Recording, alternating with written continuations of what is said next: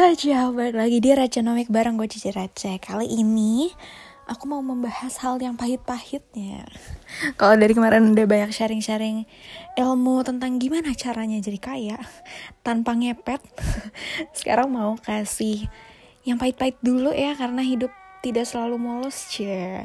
Aku mau ngasih tahu ke kalian hati-hati karena kita bisa dirampok inflasi.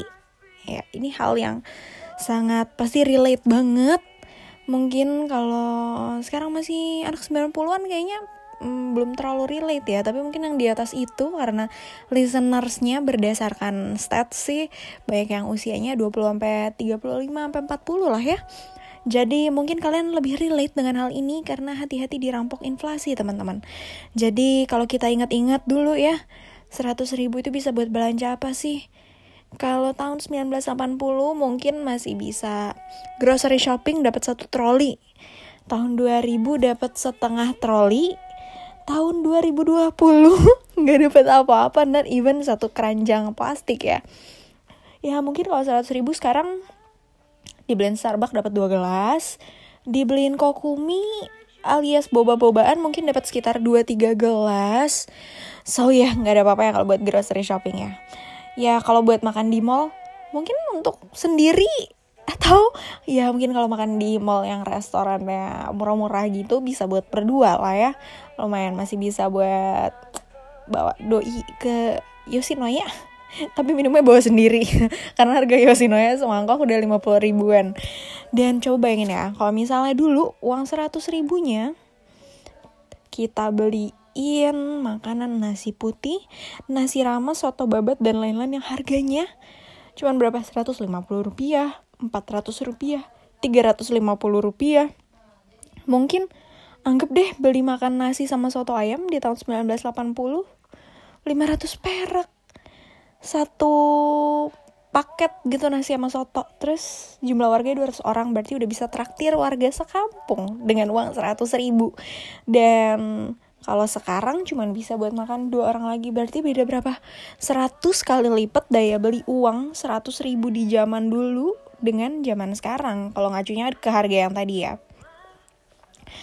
Misalnya orang pada zaman dulu ya kan kalau zaman dulu uh, belum kenal mungkin belum kenal kayak investasi ya karena kan dulu mungkin yang kenal investasi lebih ke orang-orang di luar negeri atau kalau di Indonesia mungkin lebih ke orang-orang yang kelas atas masih terbatas informasinya. Nah niatnya mau ngasih uang warisan nih ke anak cucu yang tadinya udah susah banget dicari susah payah uangnya terkumpul lah uang 100 juta Nah, coba kalau dilihat 10, 20, maksimal 30, 40 tahun lagi deh. Pas misalnya kita udah nggak ada. Uang 100 juta itu rasanya pasti udah gak sebanyak sekarang. Kalau dulu aja dari 200 mangkok ke 2 mangkok, ya kan? Kalau sekarang berarti 100 juta kita susah payah nih kerja keras nih gue tau banget nih kalau karyawan-karyawan ya kan gimana mendih-mendihnya setiap tiap bulan anda menabung ketika menekan pengeluaran ya karena saya merasakannya uh, misalnya 20-30 tahun lagi dari 40 tahun deh kayak yang 1980 ke 2020 ya Beb. Itu kayak udah 100 kali lipat ke bawah. Berarti dari 100 juta nilainya tinggal 1 juta. Kalian bayangin dong. Kayak wow. Sayang sekali bukan? Kayak nggak mau dong kayak gitu. Jadi pastinya kalau aku sekarang nggak rekomen cara kalian nabung dengan cara konvensional kayak orang zaman dulu karena sekarang tuh ilmu udah ada di mana-mana kesempatan juga ada di mana-mana yang kamu bisa investasi kamu bisa membuat uang kamu beranak untuk kamu gitu kayak jangan sampai kamu capek-capek kerja ngantor tiap bulan nyisihin terus cuman dijadiin uang di situ tapi uangnya ongkang-ongkang kaki doang nggak nyari duit lagi gitu nggak kerja buat kamu kayak duit yang bosnya elu apa tuh duit gitu. Kok enakan jadi duitnya ya nggak ngapa-ngapain. Um, ya jadi jangan sampai dirampok terus sama inflasi ya. Masa waris kita mau udah berniat baik dan bersusah payah mau nabung buat warisan terus yang dikasih cuman segitu doang beb. Sedih beb. Jujur kasihan anak cucunya bukan ngapa-ngapa ya. Karena hidup itu dari zaman ke zaman harus semakin maju bukan semakin mundur oke? Okay? jadi ini adalah prinsip yang diterapkan di Ciraca dalam hidup kayak kalau tahun ini kita bisa nabung 100 juta tahun depan uangnya udah harus jadi nambah let's say minimal 10% jadi 110 juta uangnya. Jadi um, harus apa ya harus keep improving karena uh, kaizen ya hidup harus jadi lebih baik lebih baik lebih baik lagi.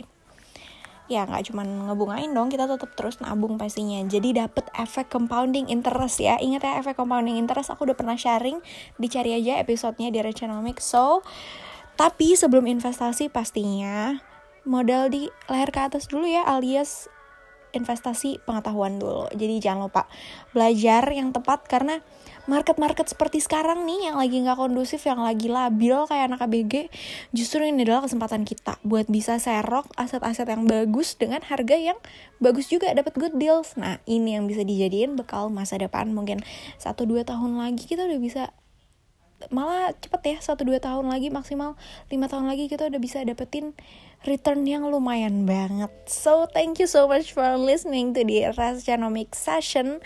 Um, I'll see you guys on another podcast. Ciao